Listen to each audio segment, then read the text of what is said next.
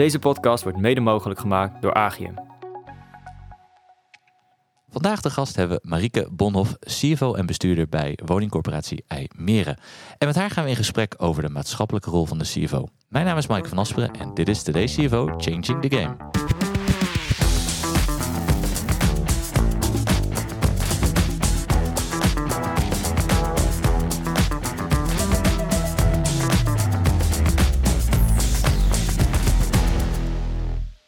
Marieke, welkom. Leuk dat je er bent. Ja, leuk om hier te zijn. Heb je er zin in? Ik heb er ontzettend zin in. Ja. Kijk, dat is mooi. En het is ook een thema wat dicht aan, uh, aan, uh, aan jouw hart ligt. Dus uh, nou, daar gaan we het komend uur aan, aan wijden. En ik zit niet alleen. Ik zit samen met, met Mark Krijgsman, onze CFO. Welkom Mark. Leuk dat je er bent. Dankjewel. Je eerste keer? Zijn. Ja, zeker. Eerste keer. Heb je er zin in? erg veel zin in ook. Kijk, dat is mooi. Dat is mooi. Um, Voordat we dan even naar, naar Marieke gaan, uh, misschien trouwens Mark wil je nog even iets over jezelf vertellen, want de luisteraars hebben jou nog nooit uh, uh, gehoord. Dus misschien wil je nog even vertellen wie jij bent. Zeker. nou, ik ben Mark Krijgsman, CFO van Agium. deze maand werk ik nou, bijna 14 jaar voor Agium. Ik heb eerst 10 jaar gedetacheerd. en de laatste 4, 4,5 jaar werk ik op kantoor, inmiddels als, als CFO. Kijk, heel goed. En bevalt nog steeds? uitstekend, super. Kijk, dat is ja. mooi. Dus die 15 jaar, dat, dat wordt een eindje. Daar ga ik vooruit. dan gaan we naar, eh, naar jou, Marieke. Um, ja, ik, ik, introduceerde je net al even. Um, maar je bent natuurlijk meer dan uh, CFO en bestuurder. Uh, kan je kort even iets over jezelf vertellen? Ja, het is altijd ingewikkeld. Wat, wat vertel je over jezelf? Nou, allereerst uh, ben ik moeder van twee fantastische zonen van 14 en 17. Uh, ben ik ook al heel lang met mijn partner uh, ook mee getrouwd, met Jan Willem. Die ken ik nog uit studietijd. En ik denk wie ik ben, uh, ik, ik denk, ik ben een heel nieuwsgierig uh, iemand. Ik denk dat dat een beetje de rode draad is in, uh, in mijn hele leven tot nu toe. met een liefde voor water. En dat is ook de reden dat wij aan het water wonen. En ik ben een harde werker en een harde genieter van het leven. Kijk, en liefde voor water, dan woon je aan het water, maar doe je ook nog watersporten dan? Uh, uh, wij wonen aan het water. En uh, nou, dit wordt opgenomen tijdens best een warme dag. Ja. Dus dat betekent dat, je, dat als ik thuis kom, dat ik gewoon lekker in het water zou kunnen zwemmen. En wij hebben een klein zeilbootje naast de woning liggen. dus na een drukke dag, met een beetje wind aan het einde van de dag, willen wij ook nog wel eens op dat kleine zeilbootje stappen. Oh, ja. Oh, lekker. Dan kan je even alles vergeten. Ja, en echt lekker ultieme genieten. mindfulness is ja, dat. Kijk, heel goed. En, en volgens mij, naast dat jij een liefde hebt voor uh, water, heb jij ook een liefde voor de publieke en de semi-publieke sector. Ja, ik. ik uh, mensen die mij wat beter kennen, die vinden mij altijd uh, heel zakelijk en resultaatgericht. En, en die zeggen, nou, je zal wel in de private of commerciële sector werken. Maar ik, ik ben eigenlijk mijn hele leven eigenlijk al een beetje verknocht aan, aan het publieke domein en aan het maatschappelijke domein. En dat, uh, dat komt uh, zeg maar ook een beetje vanuit mijn hart. En ik denk omdat ik ben vroeger als kind eigenlijk opgegroeid met de, met de krant op de keukentafel. Uh, dus als jong kind las ik altijd al de krant. Ik denk dat daar mijn interesse voor die maatschappij uh, geboren is. En wat ik ook wel interessant vind aan het publieke domein, maar eigenlijk ook nog wel een beetje het snijvlak van het publieke en het private domein, is dat dat vaak ook hele complexe vraagstukken zijn. Complexe puzzels. En en dat, ja, dat voedt mij ook wel. Uh, het mag wel een beetje ingewikkeld zijn. Ja. Ja, en, en, en trouwens, ik vind wel als je zegt van je bent resultaatgericht, dus jezelf wel in de private sector, klinkt net alsof ze in de publieke sector of semi-publieke sector niet resultaatgericht zijn. Ja, hele goede opmerking, want het is totaal niet zo. Uh, maar wa waar ik zelf wel uh, vaak mee te maken heb, is toch wel nog het imago. Uh, en dat, dat is heel sterk en al heel lang aanwezig van mensen die nog nooit in het publieke domein hebben gewerkt. Ja, die, die, ja, die hebben van die standaard grapjes. Uh, hè, een ambtenaar kijkt op vrijdagmiddag uit het raam uh, om te kijken of het weekend al voor de deur staat. Weet je, ja. dat soort. Dat zijn van die, van die klassieke grapjes. Um, en ik heb heel intensief wel met, met beide sectoren te maken gehad. En uh, ja, en dan zie je dat dat, dat, dat echt een imago is wat, uh, wat niet terecht is. Uh, dus ook in het publieke domein wordt, uh, wordt heel hard gewerkt. net zoals dat in het private domein hard wordt gewerkt. Je ziet altijd, vind ik, eerder het verschil tussen kleine en grote organisaties. Grote organisaties, of nu publiek of privaat is, die worden vaak wat bureaucratischer. En in kleine bedrijven is dat ondernemerschap en die korte lijnen zijn er wat vaker. Zowel in het publieke als in het private domein. Ja. Eh, Mark, heb jij ervaring in eh, de publieke of semi-publieke sector? Eh, ja, zeker. Toevallig wel eigenlijk. Ik heb ook bij de gemeente Amsterdam heb ik, heb ik een opdracht gedaan. TU Delft, Deltaris, ook semi-publiek. Niet echt meer, maar toen de tijd wel. En ken je dan ook trouwens die grapjes dan die gemaakt worden? Ja, die, ja, die herken je wel. Maar ik herken ook wel ja, wat je aangeeft in, in, eh, dat ik het zelf eigenlijk niet zo ervaren heb. We echt wel eh, eh, eh, nou, ja, ook heel resultaatgericht geweest zijn. Ook, ook bij de gemeente Amsterdam werkte ik voor een, voor een project eh, op het gebied van basisonderwijs. Het verbeteren van het basisonderwijs. Nou, daar waren we echt eh, behoorlijk resultaatgericht. Ja, ja, het enige verschil waar de mensen dan waarschijnlijk denken dat het niet resultaatgericht is, is omdat er niet een winstcijfertje onderaan staat. Ja, en ik denk dat dat ook een beetje een enge, maar daar komen we misschien nog op, een beetje enge definitie is van, eh, van resultaat of, of goed resultaat. Ja. Nou, voordat we daar naartoe gaan, het is wel een mooi brugje, maar voordat we daar naartoe gaan, want ehm, je bent begonnen ooit volgens mij bij het ministerie, of niet? Ja. Ik, eh, en ik, ik, ben, eh, ik heb bestuurskunde eh, gestudeerd in Enschede en bedrijfseconomie in Rotterdam. Ik ben eigenlijk een beetje door toeval door een hoogleraar via een afstudeerstage bij het ministerie van Financiën beland. En nou, daar ben ik hem eigenlijk nog steeds dankbaar voor, want dat was een geweldige leerschool om te mogen adviseren over de BV Nederland. Eh, en, en met name dan de combinatie van geld en maatschappelijke eh, beleidsterreinen of Ja. doelen. Ik heb me bezig gehouden met onderwijs, zorg, maar ook een voorjaarsnota en een miljoenennota gemaakt. En eh, ja, dat, dat is heel mooi om op jonge leeftijd ja, eigenlijk aan de BV Nederland te mogen werken. En met, met hele slimme mensen. En, ehm, en ik had toen Gerrit Salm een beetje als leermeester. Dus die dwong je ook wel om goed je werk te doen eh, voordat je bij hem aan tafel kwam. Ehm, dus ik eh, kijk daar met ongelooflijk veel plezier eh, op terug. Hebben ook nog steeds hele waardevolle contacten. En ik snap ook een beetje hoe dat dan werkt in Den Haag. En dat, daar heb ik ook later in, in mijn werkzame leven heel veel plezier van gehad. En even in te haken op Salm, want ik las ook dat hij een, van- heeft een van de meest waardevolle lessen aan jou. Althans, dat zei in een interview aan, aan, lessen jou ge- geleerd. Weet, Ja. weet je welke ik bedoel? Of- Ik, ik denk dat ik weet welke je bedoelt. Eh, Wat, wat, bij Ger, wat ik echt bij Gerrit Salm heb geleerd is... hij zei, als je het echt snapt... ik weet niet of je deze bedoelt, maar als je het echt snapt... eh, dan moet je je advies op één A4'tje kunnen, eh, kunnen opschrijven. Hoe ingewikkeld het probleem ook is. En je echt beperken tot de kern. En, en, ehm, en dat, dat heb ik later ook heel erg toegepast. Ik heb als van mensen echt hele boeken gekregen eh, waar ik dan iets mee moest. Dan zei ik, nou, volgens mij moet je eerst nog het beter begrijpen. Want als je het echt begrijpt, kun je het op één A4'tje tot één A4'tje terugbrengen. Eh, en dat is een hele waardevolle les geweest. Eh, en een andere waardevolle les toch ook was, eh, hij daagde je uit. Dus, dus, eh, dus dat, dat, dat haalde ook het beste in mensen naar voren. Dus als ik, als ik naar, wist dat ik naar hem toe moest, ja, dan had ik me wel voorbereid. En hij liet mij ook komen, ook als jongste bediende. Dus hij zei altijd: van, je mag ook je leidinggever, je afdelingshoofd nog meenemen. Je mag je directeur nog meenemen. Je mag je directeur-generaal nog meenemen. De secretaris-generaal is ook welkom. Maar ik wil met jou het gesprek voeren. Dus ook dat hij, degene die het echte werk doet, dat hij die altijd zag. Dat is denk ik ook een tweede les die ik ook nu echt wel toepas in mijn, in mijn werk nu bij Emeren. Dus ook richting jou, eh, de mensen uit jouw eh, uit de afdelingen die aan jou rapporteren. eh, op verschillende levels laat, ze, je- laat, ze, laat je ze met jou praten. Exact, exact. Kijk, dat is wel mooi. Maar oh, dat, dat is trouwens wel, wel, eh, wel mooi, want je krijgt dan ook een veel beter gevoel natuurlijk wat er in zo'n organisatie leeft. In plaats van dat je alleen van ja. Ja. de, degene die net onder je zit, dus een redelijk beperkte wereld. Ja, je krijgt een veel, eh, ja, echt een zeg maar soort van 360 graden. Want het is ook altijd goed om dan ook nog degene voor wie je werkt, hè, in ons geval de huurders.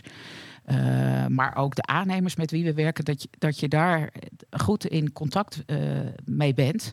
En dan krijg je vanuit heel veel perspectieven, eh, ehm, krijg, je, krijg je als het ware een soort inbreng op vraagstukken.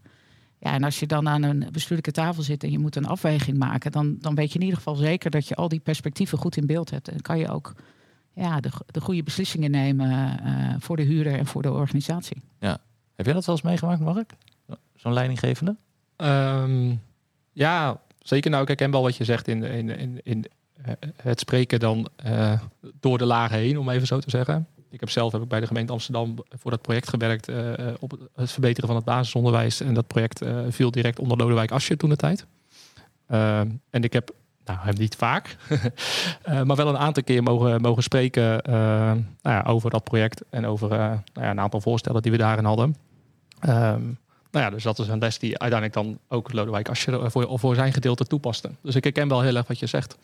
En ik probeer dat inderdaad zelf ook toe te passen om ook gewoon te laten zien dat je nou, ieders werk en ieders inbreng gewoon eh, serieus neemt. Ja. Eh, Van, van welk niveau tot aan wat. Eh, ja, iedereen draagt zijn steentje bij en iedereen heeft een hele serieuze bijdrage. Ik vind dat ook wel een mooi bruggetje trouwens, niet voor, vooraf afgesproken. Want jij hebt daarna ook bij de gemeente Amsterdam Ja, gewerkt. ja, ja. ja, want eh, ik, ik heb een kleine acht jaar met heel veel plezier eh, eh, eh, bij het ministerie gewerkt. En toen ben ik ook nog in de gelegenheid ges- gesteld om een jaar over de wereld eh, te reizen, onbetaald verlof te krijgen. Maar toen kwam ik terug op het ministerie en ik, ik was eind twintig. En toen dacht ik, ja, weet je, je hebt een jaar gereisd, heel veel meegemaakt. En toen dacht ik, ik, ik ben veel te jong om over de BV Nederland te, te praten. Ik moet echt de wereld nog veel beter snappen. Dus ik moet een beetje afdwalen, of niet dwalen, maar afdalen. Ja.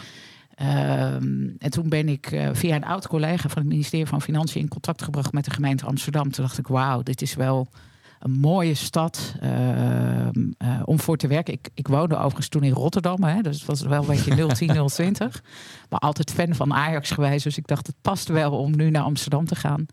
En, eh, en toen ben ik daar ook voor het eerst gaan leiding geven aan een, niet in de financiële functie, maar aan een, aan een groep van bestuursadviseurs die heel dicht op de wethouders zitten. Dus dat was een beetje, denk ik, mijn bestuurskundige achtergrond. En toen ben ik voor de stad eh, en de inwoners van Amsterdam gaan werken. Ja. En weet je toen ook, want eh, eh, als je die les van Salm toepast, hè, voor een, een complex probleem moet je op 1 à 4 toe gaan passen. Op het moment dat je met, met specialisten te maken hebt die heel erg, ergens heel erg goed in zijn en zoveel kennis hebben, die schrijven ongeveer alles op. Kreeg je toen ook dat je dat, oh, hoe gaan we dit terugbrengen? Dat je ze steeds maar weer moest hameren op brengen terug naar een viertje, brengen terug naar een viertje. Ja, dat heb ik, dat heb ik wel. eh, daar heb ik wel heel erg op, op gehamerd. En, eh, ehm, en dat zijn we ook wel echt gaan doen. Ook richting die wethouders hè, in zo'n in zo'n staf. Om zo'n eh, zo'n advies tot de kern terug te brengen. Ehm, en je zag daar ook wel binnen de gemeente Amsterdam al ook. Weet je, hoe bied je een stuk aan? En dan vaak helpt het als je daar zo'n soort opleggertje boven doet. En dan zeg je, nou, deze elementen moeten het in ieder geval eh, bevatten. Waar gaat het over? Wat zijn de financiële gevolgen? Wat betekent het voor de stad? En zo eh, zijn we dat langzaam eh, wel gaan doen. Kijk, en, en uiteindelijk heb je daar volgens mij een jaar of Ja, alles. Ik heb nog een uitstapje gedaan naar de gemeente Utrecht. Maar ik heb al met al ruim tien jaar wel bij de gemeente Amsterdam gewerkt. In verschillende functies. Dus ik Ja. ben ook nog, heb nog in de directie van het grondbedrijf eh, gezeten. En uiteindelijk ben ik financieel directeur geworden van de gemeente Amsterdam. En, en toen na Utrecht heb je het overstap naar het water gemaakt. Ja, naar Amsterdam was dat eigenlijk. Dus ik heb, tussentijds een uitstapje naar Utrecht gemaakt. Toen teruggekomen als financieel directeur eh, in Amsterdam. En toen had ik, denk ik, een kleine twintig jaar of zo tegen die grens aan eh, heel dicht ook voor de politiek gewerkt. En ook heel dienend aan de politiek. En ik ben nog steeds blij dat ik in een democratische rechtsstaat eh, leef. Maar toen dacht ik, ja, ik wilde nu wel een beetje nog meer zelf van zijn. En, eh, en goede ideeën in de praktijk kunnen brengen. En toen ben ik bij eh, bestuurder geworden bij het drinkwaterbedrijf Vitens. Die met ruim 5 miljoen klanten, 5,8 miljoen klanten in Noordoost-Nederland. En daar heb ik vijf en een half jaar met ongelooflijk veel plezier gewerkt aan, aan elke druppel duurzaam en schoon Ja. drinkwater voor Nederland. En, en om daarbij dan ook gelijk even een stapje te maken naar het thema. Want we hebben over, die, over de maatschappelijke rol en, en waardecreatie. Ehm, jij kreeg daar op je kaartje eh, de Chief Value Officer. De CVO. Ja, nou, wat, wat, je, wat eh, wij vanuit het drinkwater heel erg merkten was eigenlijk een soort, soort eigenlijk iets raars. Eh, drinkwater is heel vanzelfsprekend in Nederland. Tenminste, dat was het altijd. Ehm, en ongelooflijk goedkoop. Eh, dus wij waren in staat om, om, om duizend liter water eh, voor een euro te, te maken. Ja. Ehm, maar als iets heel goedkoop is, dan moet je oppassen dat mensen dan denken dat het geen waarde heeft. Want als je kijkt naar de waarde van water, die is gigantisch uh, voor een samenleving. Ik bedoel, er worden oorlogen gevoerd als Ja. er geen water is. En, ehm, en wij zagen wel bij het drinkwaterbedrijf dat, dat eigenlijk die vanzelfsprekendheid van dat water. En wat je er eigenlijk als drinkwaterbedrijf voor moet doen. Hè, je moet allerlei foute stoffen die in het milieu terechtkomen, moet je eruit halen. Eh, je gebruikt heel veel energie om water te maken. Eh, de stoffen uit de bodem, waaronder bijvoorbeeld zoiets als methaan, dat gaat de lucht in. Dus, dus je, je hebt eigenlijk ook best nog wat negatieve effecten op je omgeving. Dus eigenlijk die, die lage prijs, dat is eigenlijk het ver- verkeerde manier om met water om te gaan. Je moet kijken naar de waarde. En als je het waardebegrip centraal stelt, maak je hele andere keuzes eh, dan vanuit, eh, vanuit de prijs. Als ik één voorbeeld mag noemen. Als drinkwaterbedrijf zou je kunnen zeggen, hoe meer water er gebruikt wordt, hoe beter. Want P Q hebben wij een fantastische omzet. Ja.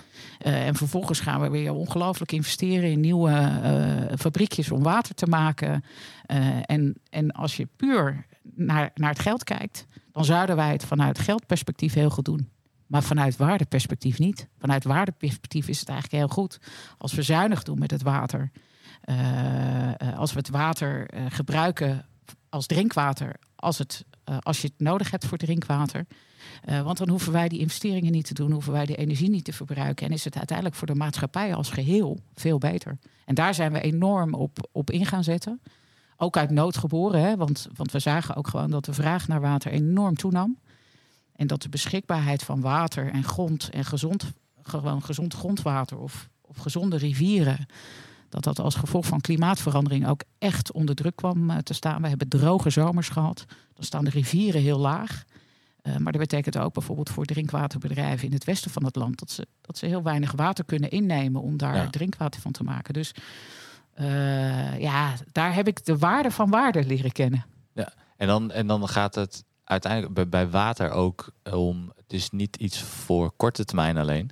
Want we kunnen vandaag en morgen water hebben. Maar de waarde zit hem ook dat je over 10 jaar of 20 jaar nog steeds die, die levensbelangrijke voorziening kan, kan leveren aan, eh, aan, aan mensen. Moet je er ook zo naar kijken dan? Ja, dat, dat is echt een heel goed punt wat je, wat je nu eh, op tafel legt. Want ehm, als je ook over waarde denkt, dan, dan, dan gaat het inderdaad ook om het langetermijnperspectief. Eh want wat goed is op de korte termijn, hoeft dat niet op de lange termijn te zijn.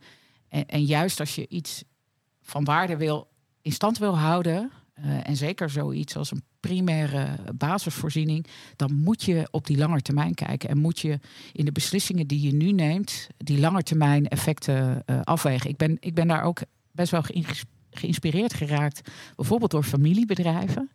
Eh, daar zit dat, dat denken over generaties heen. Ja. Vanuit een soort familieband zit daar heel sterk in. En, en familiebedrijven maken ook vaak keuzes op de langere termijn. En dat, eh, dat deden wij bij, bij drinkwaterbedrijven ook zeker. Ja, Mark, hoe kijk jij naar, zo, naar zo'n thema als, als eh, Chief Value Officer? Of eh, eigenlijk naar de titel Chief Value Officer. Je- ben je mee als tegengekomen? Eh, ik ben hem niet tegengekomen. Maar wat is jouw eerste. Wat, wat, hoe, hoe kijk jij naar, naar, naar zo'n titel en naar dat thema? Nou, het is eh, zeker in de, in, de, in, de, in de business, zoals je hem omschrijft, is het natuurlijk een hele pakkende en, en beter omschrijvende titel dan, se- dan SEC naar de CFO-titel te kijken.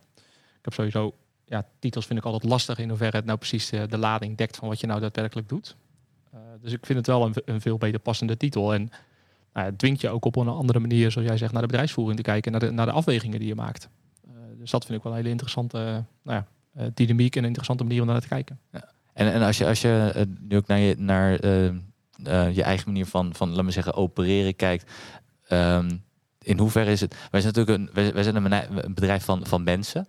Wij maken het, ik mag ook grapjes maken. Wij, wij maken wel eens een grapje dat de mensen in de mensenhandel zitten. Dat is natuurlijk een beetje gezu- Klopt niet helemaal, maar eh, dat, dat wordt wel. Positieve mensen Ja, de positieve wissel. Ja, de positieve wissel. Maar ehm, er zit natuurlijk een hele grote potentie of waarde eigenlijk in de mensen eh, die je hebt. Dat zijn, dat zijn eigenlijk je assets. Absoluut. Eh, terwijl het toch ook heel erg lastig is om niet naar dat financiële aspect te kijken. Hoe, hoe, hoe zoek jij die balans daarin? ja, ik denk dat ieder, ehm, iedereen dat op zijn persoonlijke manier doet en ieder bedrijf dat ook anders doet. Ik denk dat je ook in onze branche ziet dat dat per bedrijf verschillend is. Eh, ook door uiteindelijk door de mensen die er werken en uiteindelijk door nou ja, in ons geval uh, de oprichters die dat met een bepaald DNA binnen hebben gebracht. En ook door uiteindelijk door de collega's die op die manier binnen zijn gekomen. En uiteindelijk ook om een reden ergens nou ja, lang werken. Uh, kijk naar mezelf, maar ook naar collega's die, die hier lang werken. Tuurlijk heb ik de titel CFO, maar als ik, ja, ik durf wel te zeggen dat wij vanuit onze manier um, ook vanuit waarde durven te denken. En die waarde zit bij ons in de mens. Uh, en in de ontwikkeling die die mens doormaakt. En ik ben heilig van overtuigd dat door te focussen uh, op die mens en door de waarde die wij daar kunnen toevoegen aan uh, enerzijds onze professional, maar net zo goed onze opdrachtgevers. Daar, daar zit net zo goed de waarde in die we kunnen toevoegen. Dat dan, ja, dan volgt die F vanzelf, die finance. en ja, dat vanzelf klinkt wat makkelijk. tuurlijk hebben wij ook gewoon de rapportages en houden wij ook onze tarieven in de gaten. En, maar ik durf bijna wel te zeggen dat dat meer een, een, een gezonde check is. Ehm, uh, dan dat dat het, uh, het startpunt is. Um, ja. Mooi gezegd. Ja, want uh, als, als jij naar Marieke kijkt naar, naar ook de manier bij Vitens, maar waarschijnlijk bij Almere zal dat, zal dat hetzelfde zijn, dat je ook veel op die waarde zit. Als je dat nu concreet gaat maken, wat betekent het dan waar je op gaat sturen en waar, waarover ga je dan rapporteren? Want het is meer dan alleen de F, maar welke aspecten kijk je dan nog meer naar? Ja, dat, dat um ik, ik, kan wel iets over, over Almere zeggen. Hè? Want, want wij zijn een uh, grootste corporatie van Nederland. We hebben 75.000 woningen die we verhuren aan mensen met een smalle beurs. Uh, dus, dus wat ik nu heel erg zie is dat die prijs en die F dus eigenlijk wel heel, heel belangrijk is. Want we kunnen niet zomaar de huren omhoog gooien omdat we zeggen, nou, we hebben nog een leuk projectje wat we even gaan doen. Uh, dus wij proberen zeg maar, die maatschappelijke waarden wel ook, ook weer breed uh, te, te bekijken. Dus wat doen we, wat voegen we toe aan die, uh, aan die huurder? Maar wij zijn meer dan een SEC, een vastgoedbedrijf. Dus, dus onze mensen wonen ook in buurten. wij maken onderdeel, onze, onze huizen en onze huurders maken onderdeel uit van de samenleving. Dus wij kijken ook heel erg naar leefbaarheid. Um, dus dat betekent ook dat als we een investeringsbeslissing nemen, dat we aan de voorkant kijken, oké, uh, welke huizen gaan we nu bouwen? Nou, dat kun je puur financieel bekijken. En dan kan je kijken vanuit het vastgoed welk rendement het oplevert. Ja. Maar wij kijken ook van ja, maar hoe, hoe positioneren we het in de wijk? Waar bouwen we? En hoe bouwen we? Want voor de leefbaarheid maakt het bijvoorbeeld heel erg uit. Uh, of je heel veel hoekjes, hè, dan kan een architect fantastische hoekjes, of die kan uh, esthetisch iets heel moois bouwen. Maar wij zeggen ja, maar het, moet, het, moet, uh, het gaat 50 jaar mee. Gaan mensen in wonen. Dus, dus hoe landt zo, zulk vastgoed uh, in de omgeving? Uh, dus dat leefbaarheid en sturen op leefbaarheid. Ja, dat is uh, bijvoorbeeld het gevoel van veiligheid, schoon, heel en veilig. Ja, dat betrekken we eigenlijk aan de voorkant al, al in de investeringen.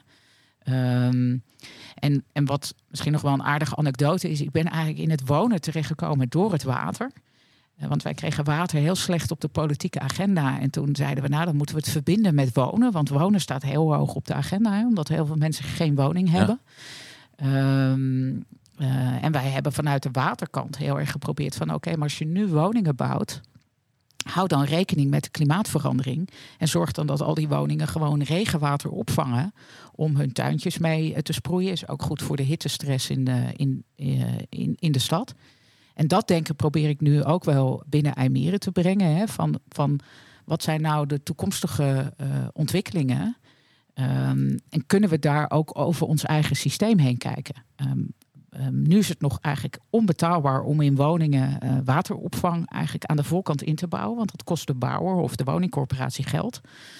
Maar als je een minimal viable system maakt, dus in plaats van een minimal viable product, een minimal viable system, en je neemt die drinkwatersector mee en je zegt tegen die drinkwatersector: als wij het water nu opvangen in onze huizen, dan hoef jij straks niet te investeren om dat drinkwater te maken, want een deel van het drinkwater dat wordt gewoon regenwater voor de tuin. Ja. Kunnen wij dan een deel van jullie investeringen nu benutten om te investeren in onze huizen? Ja. En voor de maatschappij als geheel wordt het daarmee beter. Dus, dus het probeer in de keten eigenlijk te denken. In de keten te denken, ja. ja. Maar ik vind het wel grappig wat je zegt. Want uh, een, een opmerking die maakte. Het is best lastig geweest om uh, het, het thema waarde, politiek gezien, op die agenda te zetten. En volgens mij is dat wel iets wat, wat overal wel, wel lastig is. Want uiteindelijk wordt er best wel vaak weer naar de cijfertjes onderaan de streep gekregen. Dus hoe heb je dat dan voor elkaar gekregen om toch die focus op die waarde te krijgen? Ja, uit, uh, ja, uiteindelijk komen we dan toch weer bij de mensen uit, hè, waar jij het ook over had. Ik, ik denk dat. Um, uh, ja, ik voelde wel als, als, als leider. Weet je, als je, die, als je die positie je gegund wordt, dan vind ik ook dat je een verantwoordelijkheid hebt te nemen om, om verder te kijken uh, dan jezelf. En, um, en zo ben ik ook in contact gekomen met, met een aantal mensen die dat, die dat ook vonden. Want wat je vaak ziet is dat dat bijvoorbeeld het ene bedrijf zegt: ja, ik wil wel, maar dan moet de overheid eerst de wet en regelgeving aanpassen, want anders is, mm, anders is er geen level playing field. En iemand anders zegt: ik wil wel, maar mijn, mijn, maar mijn klant wil het nog niet. Uh, en, en, en zo zijn er altijd redenen om eigenlijk die stap nog niet te zetten. En dan helpt het soms om, om toch wat leiders te vinden die zoiets hebben van: ja, maar joh, uh, uh, wat gaan mijn kinderen mij straks verwijten over 50 jaar over waar ik nu niet gehandeld heb? En waar hebben we dan met elkaar te handelen? En, en als je dan toch een paar mensen vindt die een beetje lef durven te tonen, ja, dan, dan kan je toch wel stappen zetten. Um, en, nou ja, dan, en dan ontmoet je wat mensen die je, die je inspireren. En, um, ja, en, en zo zet je waarde eigenlijk op de agenda. Maar ik weet ook nog toen we bij Vitens uh, vanuit dat waardeperspectief dus ook investeringen in duurzaamheid op de agenda gingen zetten. Toen hadden we ook wel in eerste instantie discussie met onze aandeelhouders. Die zeiden, ja, maar dan dat gaat ten koste van ons dividend. Ja. Uh, dus moeten we dat dan wel doen? Um, nou ja, bij Vitens was het relatief makkelijk door te zeggen, ja, maar als we dit nu niet doen, uh, dan gaan over twintig jaar, hè, dan verdubbelen de kosten, want dan gaat ten koste van het milieu, dat, dat komt toch weer terug in onze bedrijfsvoering. Dus daar kon je het redelijk ook toch wel weer financieel uitleggen. Um, um, maar je merkt gewoon dat, dat we heel erg gewend zijn om in een, in een paradigma uh, te denken. Terwijl als je om je heen kijkt en je luistert naar het nieuws, dan, ja, dan, dan we moeten naar een wisseling van ons denken. Want uh, ja, we ervaren tegenwoordig dagelijks. Kijk naar deze zomer hè, bijvoorbeeld. Uh, dan als je ziet hoeveel overstromingen, bosbranden, uh, extreme uh, temperaturen we hebben gehad, ja, dan kan je wel zeggen dat het er niet is, maar dat we, leven in een nieuwe werkelijkheid. Maar dat geldt ook voor, voor de mensen, hè? dus ook de inclusiviteit. ik, ik, ik heb echt, ik werk nu een, een, een half jaar bij Emeren, maar ik, ik ga af en toe wel met pijn in mijn, in mijn buik naar huis als ik zie hoe, hoe onze huurders wonen. En dan voel ik ook echt een verantwoordelijkheid om, om de huizen van onze huurders te, te verduurzamen. Uh, want de mensen met, mensen met een smalle beurs hebben nu een hoge energierekening. Ja. Uh, nou ja, en, en ja, dus het is uiteindelijk komt het, is het ook een soort intrinsieke motivatie. Uh, ja, ik weet niet waarom jij uit bed stapt, maar je, je stapt uit bed omdat je, omdat je denkt, ja, ik wil toch dat verschil maken. Ja. En iets doen voor de samenleving. En ik denk, als je terug gaat naar de psychologie of hoe wij als mensen in elkaar zitten, dat dat uiteindelijk toch bij ieder mens ergens wel uh, iets, iets triggert. Uh, um, en bij mij is het heel erg aangewakkerd, ook door inspirerende mensen die ik heb ontmoet.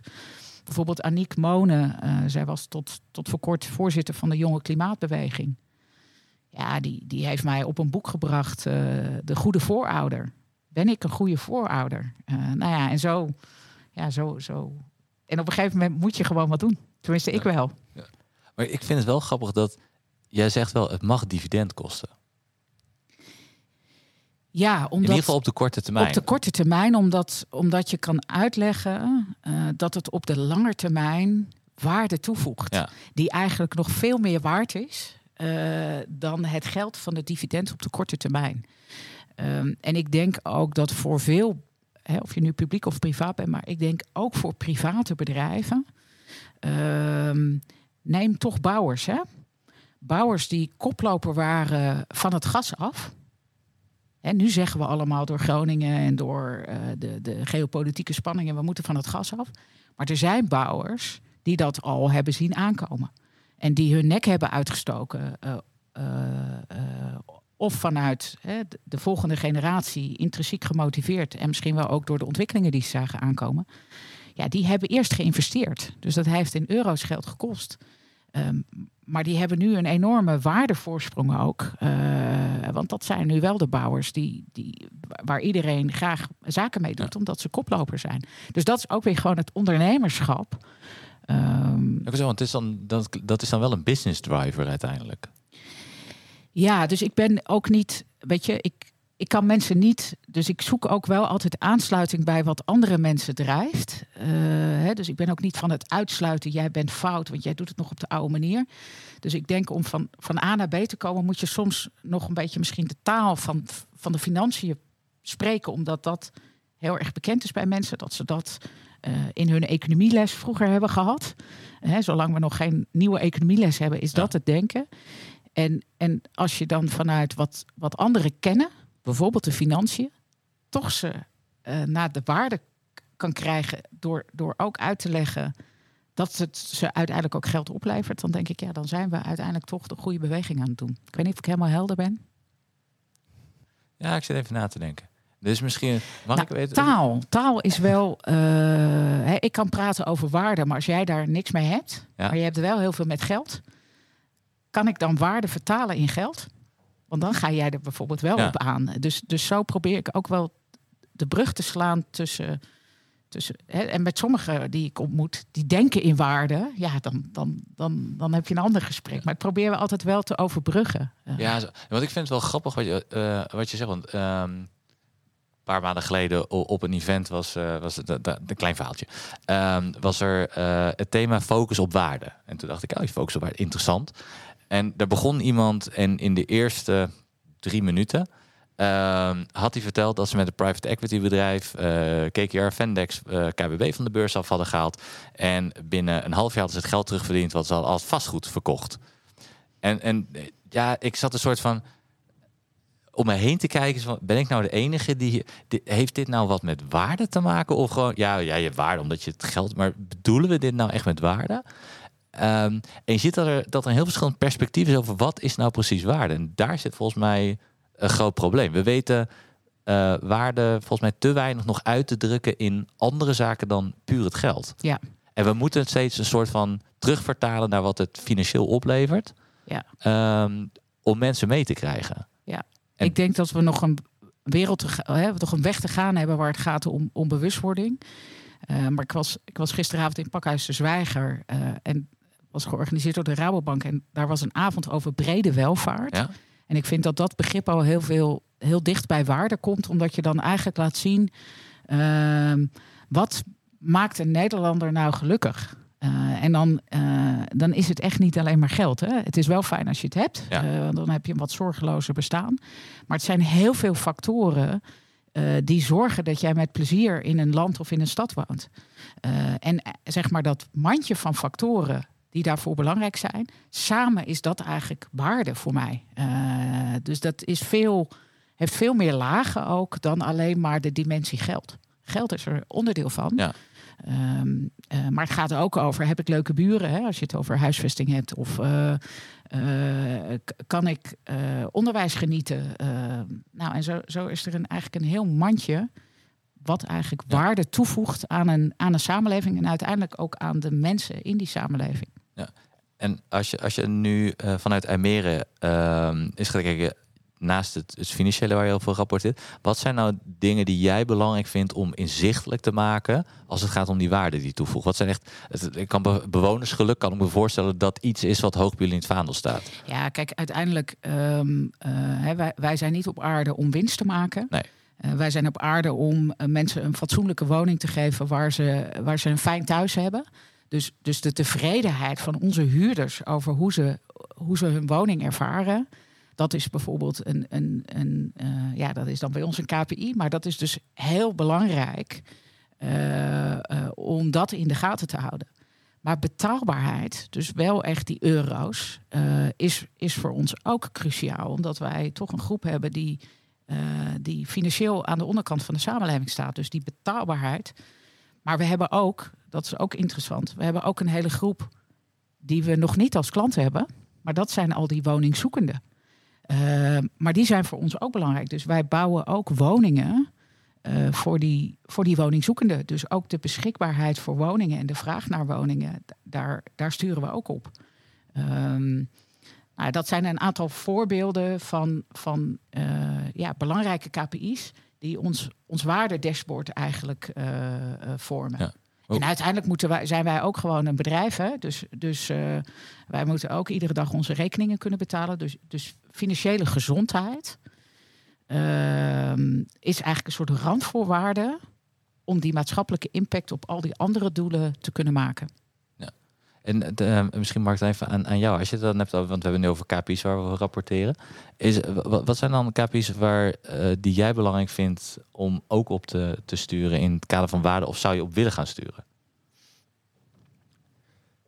Deze is totaal niet ingestudeerd. Nee, dus dat, Nee, dat, nee, Maar- ik zet je even voor een uitdaging. Nee, eh, helemaal niet erg. Uiteindelijk zit die waarde bij ons, eh, wat ik zeg, eh, aan die menskant. Dus het zit hem eh, eigenlijk in de waarde die ik jou hoor noemen, kan je natuurlijk terugspiegelen naar de waarde die het voor ons is. Dus hoe eh, gelukkig zijn de mensen eh, bij Agium? Hoe tevreden zijn ze met de opdrachten die ze voor Agium hebben?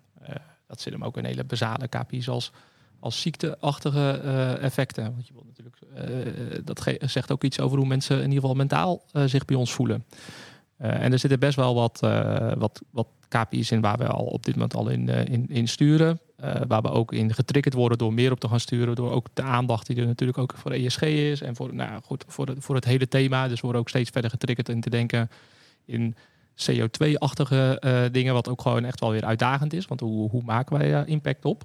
Ehm, ehm, dus, dus wij maken daar zeker stappen in. We sturen daar zeker al op. Ehm, en ik denk dat voor ons de uitdaging wel zit nog verder in, nou, wat is dat dan exact? Eh, hoe vaak rapporteer je dan over en hoe, hoe koppel je dat dan ook aan de keuzes en de beslissingen die je maakt? Ik denk dat we dat best wel op, eh, op, op onderbuik durf ik wel te stellen dat wij eh, de mens, nou ja, vaak als eerste bespreken op het moment dat we besluiten nemen. En natuurlijk moet het financieel kloppen, maar maar ik denk dat het nog een uitdaging is om dat nou, nog verder door te, te vertalen naar, ja, wat, kunnen we dat dan nog meetbaar maken en kunnen we dat dan, nou ja, in de voorbeelden die jij noemt, nog, nog specifieker op Agium toepassen? Dat is wel een leuke vraag voor jou. Ja, nou, maar ik, ik kan ook wel zeggen, voor, voor IJmeren ook, hè, zijn mensen ook cruciaal. Hè. Wij, we- er werken ongeveer duizend eh, mensen bij eh IJmeren. Maar als wij die mensen niet hebben, kunnen we die huurders niet tevreden stellen. eh, kunnen we die woningen niet voor die, voor die eh, woningzoekenden bouwen. Ehm, en dan zie je ook wel, als je kijkt naar de trends in de samenleving, ook de beschikbaarheid van goed personeel. eh, en bij ons dan ook nog soms hè, goed technisch personeel. Ja, dat, dat, dat, dat, is, dat is best heel erg, erg lastig. Dus wij proberen ons, ons ook wel te onderscheiden. hè. We zijn een maatschappelijke organisatie. Dus, dus in termen van geld kunnen we ons ook niet eh, onderscheiden dat we de, de hoofdprijs qua, eh, qua loon betalen. Dus, dus dat mensen zich, hè, waar de huurders zich prettig thuis moeten voelen in de woningen die wij eh, aan ze verhuren, moeten mensen bij ons zich eigenlijk prettig thuis voelen bij eh IJmeren. Ehm, dus veel ook investeren in eh, ontwikkeling. Dus ook, ook kijken naar instroom, doorstroom en uitstroom. Ja, ziekteverzuim is, is een klassieke indicator, maar zegt ook wel iets over of werkdruk of, of, of mensen zich wel of niet prettig thuis voelen bij IJmeren. Ehm, maar wij zijn daar ook nog aan het, aan het kijken van hè, wat kunnen we nog meer doen, eh, ook op dat, op dat gebied voor ons, ons personeel. Wat meet je ook dan de ontwikkeling bijvoorbeeld die mensen doormaken? Eh, ja, maar dat is toch wel wat. eh, dat hebben we niet heel kwantitatief. Dat hebben we.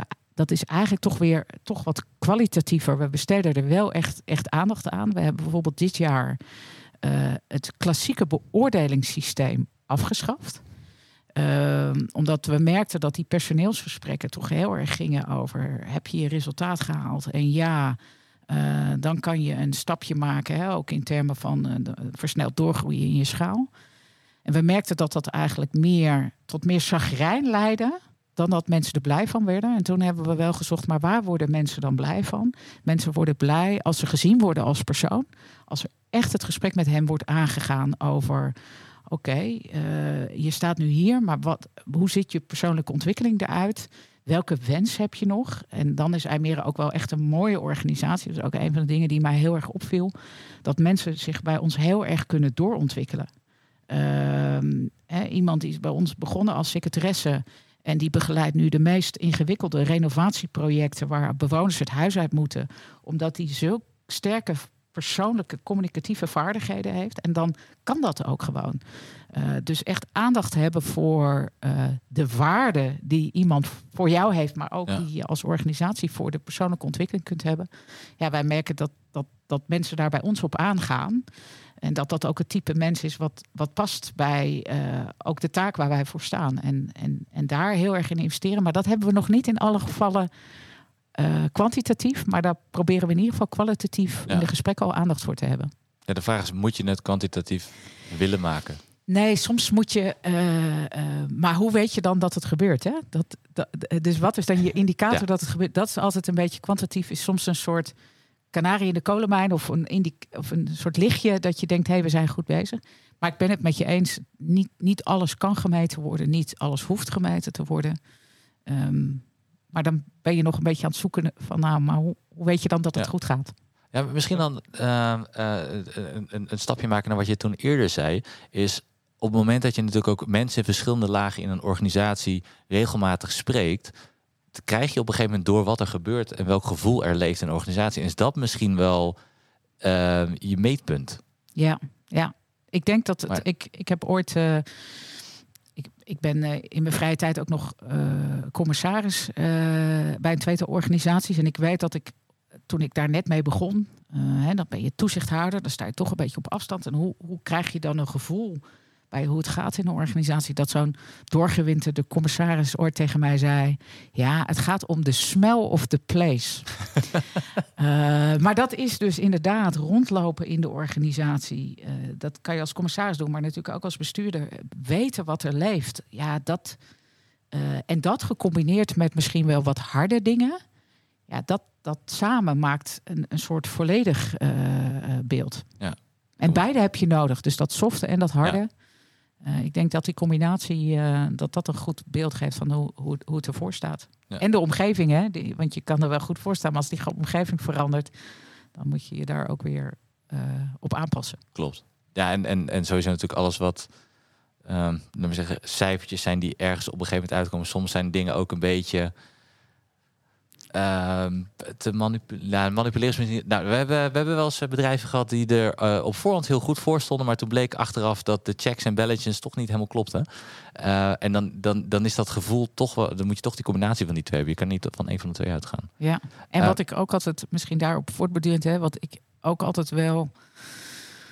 Eh, dat ik het ook altijd belangrijk vind dat er soort checks en balances in een organisatie zitten. Dus dat, dat je ook jezelf ter discussie durft te stellen. Of dat je iemand anders, niet zozeer het klassieke vier ogen principe, maar meer ehm, eh, durf je ook verschillende mensen bij elkaar te zetten om, om, om te challengen. Ja. Eh, dan hou je ook de scherpte en de gezondheid in je organisatie. En voorkom je dat je in een soort denkt dat het allemaal goed gaat. Maar je moet dingen ook steeds ter discussie durven stellen. En dat ook een beetje organiseren in je organisatie.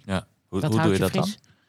Hoe organiseer je dat? Nou, wij hebben, laat ik een voorbeeld noemen. Ehm, eh, als je een woningcorporatie bent, dan, dan, dan is het wel zo dat een huurder gaat verhuizen. Dan komt er een woning vrij en dan, die moeten wij dan vaak nog een beetje renoveren. Hè. Dan, moeten we, dan moet er weer stukwerk op of de kraan moet worden gemaakt.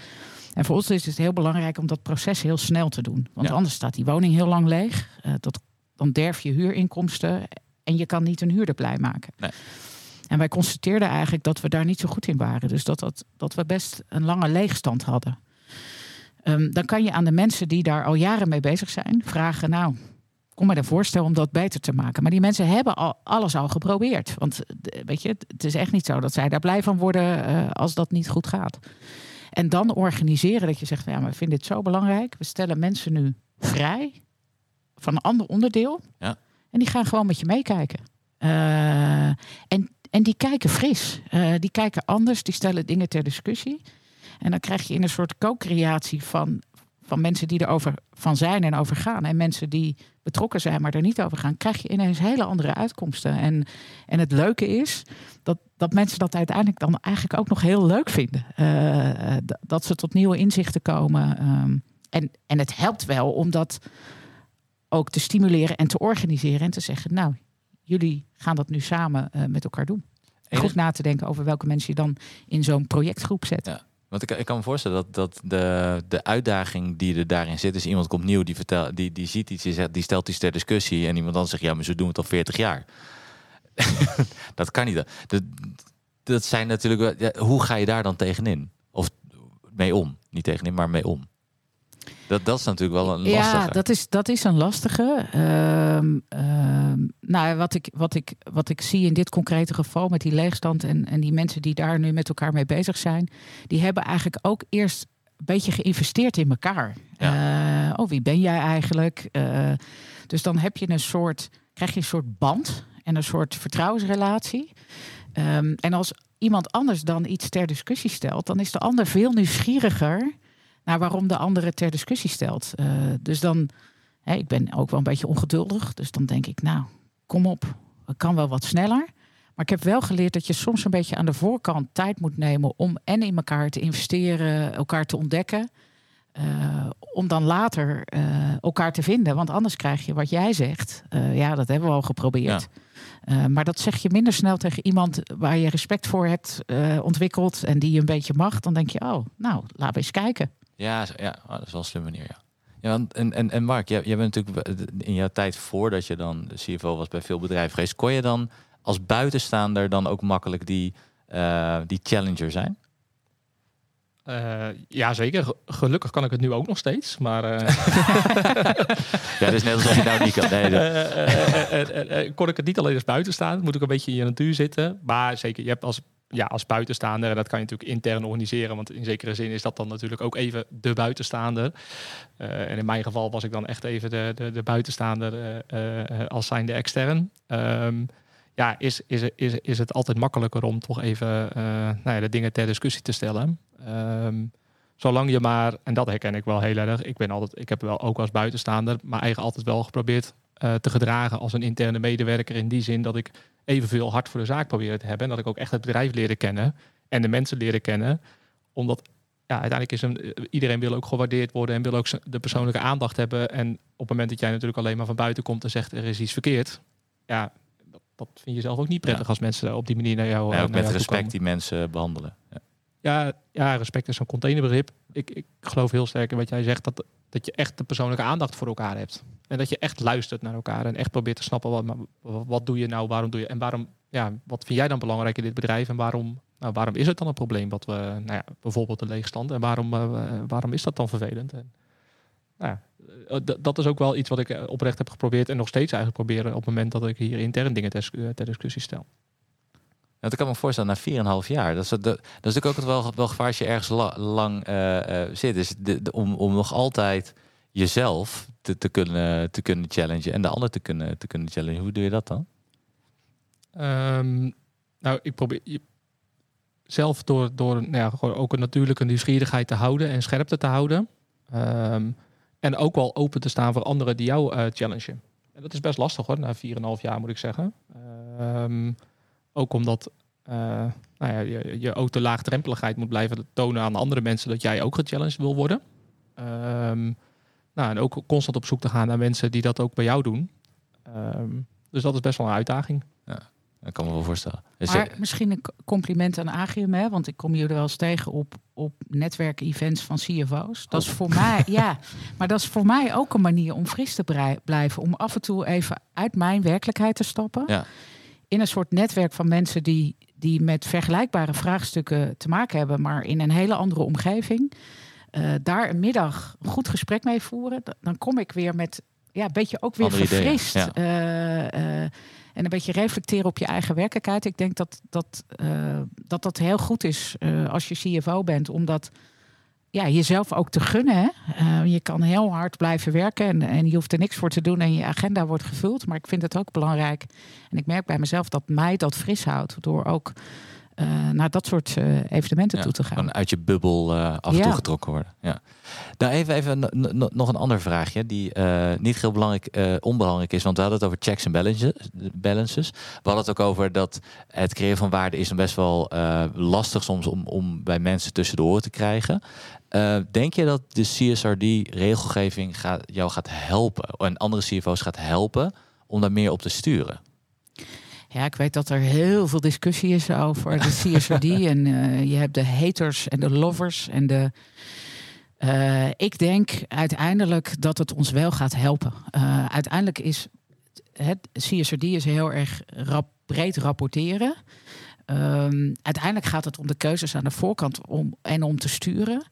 Maar door erover te rapporteren ontstaat het bewustzijn en uh, ga je op een gegeven moment ook de keuzes aan de voorkant maken. En wij, wij merken het bijvoorbeeld als woningcorporatie al, want uh, onze financiers uh, die moeten aan de CSRD voldoen.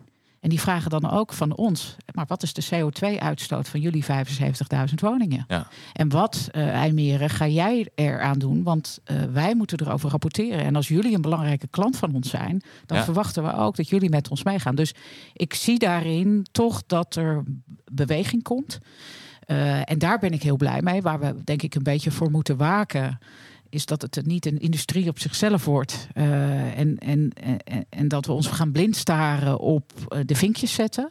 Ja. En dat we de bedoeling uh, een beetje uit het oog verliezen. Want de bedoeling is hier natuurlijk ook dat brede waardebegrip handen en voeten te geven. Ja. En wat ik me ook kan voorstellen, want een van die dingen die erin zit, is die dubbele materialiteit. Analyse. Ja, ja analyse. Uh, waarbij je dus ook moet gaan kijken richting de toekomst. Welke uh, bedreigingen er eigenlijk voor jou uh, liggen op business-wise gezien. En natuurlijk speelt klimaat daarin een, een, een, rol. Maar waardoor je dus ook veel bewuster moet gaan kijken wat gaat er in de toekomst gebeuren. En we maken natuurlijk allemaal wel scenario-analyses en dergelijke. Maar dit wordt heel concreet. nou ja, bijvoorbeeld voor het Vitesse wa waterbedrijf. Het feit dat we misschien zo meteen minder water via de rivieren krijgen of minder neerslag komt. Wat betekent dat voor het voortbestaan van de watervoorziening? Dat je daar toch veel bewuster over moet gaan nadenken en, en moet gaan rapporteren. Dat dat wel kan helpen om die langetermijn focus er meer in te krijgen. Ja, en het dwingt je om ieder jaar hè, van binnen naar buiten te kijken. Ja. Maar ook van buiten, uh, van buiten naar ja. binnen. En, en um, ja, ik denk dat dat, dat dat creëert een bewustzijn. En het bewustzijn is de start van handelen. Uh, dus in die zin ben ik wel blij met, de, uh, met deze regelgeving. En ook omdat, nou, we hadden het al over events. Ik was een aantal jaar geleden, toen, toen stond dit al lang in de kraamkamer. En waren er ook al bedrijven mee bezig die, hè, dan was het helemaal niet wettelijk verplicht. Maar toen schrok ik wel een beetje van onze community. Dat ik dacht, nou, we komen wel van ver. De, toch een beetje klassiek en uh, alleen maar nadenken over het geld uh, en het aandeelhouderswaarde en winst. Dat ik dacht, ja, dat, dat, we moeten een been bijtrekken. dus in die zin denk ik, nou, dit, dit is een beetje de, de stikken die, die ons dwingt om een been bij te zetten. En ik hoop dat dat ook mensen ook intrinsiek gaat bewegen om, om, om de goede dingen te doen voor de samenleving. Ja, maar uiteindelijk is dat natuurlijk niet het is ook niet heel gek dat dat misschien zo lang heeft uh, geduurd voordat die transitie er is. Want verandering is natuurlijk niet heel makkelijk uh, om, om te doen. En uh, om misschien jou toch nog een keer te quoten op een uitspraak. want if you're trying to solve the challenges of the future, past experience is of little use. Is de, de, je moet ook wel echt wel op een hele andere manier naar gaan, gaan, gaan kijken. en we zijn toch wel gewend om vanuit onze ervaring natuurlijk ook dingen op te lossen. Dus misschien is het niet heel gek dat we van heel ver nee, komen. Het is, uh, uh, het, het is niet uh, never waste a good crisis. Hè? Ja. Dus we gaan handelen als het echt, echt al mis is gegaan. Maar ehm, nee, het klopt wat je zegt. en, en tegelijkertijd in verandering geldt ook de regel dat als je op een gegeven moment geloof ik, als je meer dan 10% koplopers hebt, dan komen die volgers vanzelf. Ja. dus ik, ik geloof ook in in de koplopers opzoeken en, uh, en elkaar versterken. En echt die beweging met, uh, ja, met echt met snelheid uh, realiseren. En, en regelgeving loopt helaas altijd achter op wat nodig is. Dus laten we ook voor een deel die regelgeving ja. voor zijn. En, en volgens mij wat je hierin ook moet gaan accepteren is het feit dat de eerste twee jaar of drie jaar misschien wel, misschien wel vier jaar, gaat het zoveel keren nog op de schop gegooid worden. Er gaan er bedrijven zijn die informatie delen die uiteindelijk toch niet helemaal accuraat blijft te zijn, blijkt te zijn. En volgens mij moet je bedrijven daar niet op afstraffen. Uh, want ja, het is allemaal een leercurve waar je met elkaar in zit en, en niemand weet het helemaal precies. Eens. En je moet uh, durven leren. Ja. En, uh, en degene die hun nek uitsteken, groot maken, schouderklopje geven en uh, en niet uh, inderdaad nu al, um, als je het, hè, want die discussie heeft ook in Nederland uh, plaatsgevonden, als je bestuurders daarop gaat afstraffen en zelfs strafrechtelijk vervolgen, ja. hè, want uiteindelijk ben je als bestuurder ook aansprakelijk, ja, dan denk ik dat, dat we de verkeerde weg op gaan. ehm, maar we moeten, we, het mag ook niet te vrijblijvend. Dus we moeten serieus eh, met elkaar die slagen maken. Balans eh, Ja. zoeken. Balans en snelheid. Ja. Jij gaat altijd te langzaam. Ja. nou, nou heb ik eigenlijk nog, nog één hele belangrijke vraag aan je. Is, eh, je hebt nou een aantal mooie functies gehad. Je, je, hebt, je zit nou een half jaar bij, eh bij Almere. Wat is nou nog een functie bij welke organisatie die als die voorbij komt je zo op zou springen? Nou, allereerst was ik niet van plan om nu alweer te vertrekken Nee, bij nee, maar, dat, maar hoeft ik, niet vandaag of morgen te zijn. Hè? Maar gewoon even, even toekomstdenken. Ja, dat vind ik, een, vind ik een hele moeilijke vraag. Want ik, ik, ik, ik, heb niet de ultieme functie, maar ik, ik denk dat ik wel heel erg, eh, waar ik heel blij van word, is toch op het snijvlak van publiek-privaat. Ehm, eh, om, om wel dat zakelijke en resultaatgerichte eh, in, in, in combinatie met ja, toch maatschappelijke impact en, en de organisaties die daarin passen. En welke dat precies zijn en op mijn, in mijn top. Ik heb eigenlijk niet een top drie of een top één. Durf je niet te zeggen. Oh. Nee, En als we van bij Ajax voorbij komen, zoeken nog een CFO. nee, dan. eh, eh, Niet maatschappelijk genoeg. Nee, nee, ik hou wel heel erg van sport en inderdaad eh, ben voor Ajax, maar ehm, Oké, maar het blijft wel binnen het publieke domein. eh, het semi-publieke domein. ja, publiek-private domein. Ja. Ik vind ook hè, de sociale het sociale ondernemerschap. eh, dus ik, ik zeg ook niet, je mag er wel geld mee verdienen. Eh, ehm, eh, dus je hebt echt sociale ondernemers die, die, die gewoon geld verdienen, maar met hele goede dingen voor de maatschappij. Ja, dat, dat is wat mij heel, ja, dat is denk ik wat bij mij Ja. past. Maar ik heb nog, ik heb niet een ultieme. Nee, oké. oké. En, en, en jij, Mark? eh, jij, gaat, het- jij, gaat, jij gaat sowieso, je mag niet weg. Maar al, stel, wat, wat zijn nog jouw dromen? Ja, ik was al bang dat de vraag zou komen. Ah. je hebt na kunnen denken. Ja, ja, ja, ja. ja, het feit dat ik dan nog steeds een intro bedenk, zegt ook al genoeg, Michael. Nee, ik heb dat ook niet zo heel sterk. Ehm, ehm, ik, ehm, ja, ik, heb dat, ik, ik zou het ook niet direct kunnen beantwoorden. Oké, nou, twee En jij dan? Mijn droombaan. Ja. Ja, die heb ik al. ja. Nee, ik, ja, ik, ik, ik vind hem in die zin ook. ook, ook, ook de- ik, ik, voor, voor mezelf geldt het in ieder geval. Mij maakt. bij mij gaat het heel erg om de rol. En de impact die ik kan maken in de rol die ik heb. Bij een organisatie die bij me past. Ja, welke dat nu ze. Ik zou er nu geen een op kunnen noemen die dat, eh, die dat heeft, moet ik eerlijk zeggen. dus ik zit voorlopig ook nog goed. Nou, ik denk dat we allemaal voorlopig heel goed zitten. Ja, dat is, mooi. dat is mooi. Nou, dan- dan, eh, weten we dat. Kijk, kijken eh, als mensen over drie jaar dan deze podcast luisteren, of we dan nog steeds allemaal op dezelfde plek zitten of niet. Het zou wel grappig zijn als we dan een berichtje krijgen. Ja. Eh, we zullen het zien. We zullen het zien. Ehm, eh, we hebben alweer een aardig eh, eh, eh, een klein uurtje volgepraat.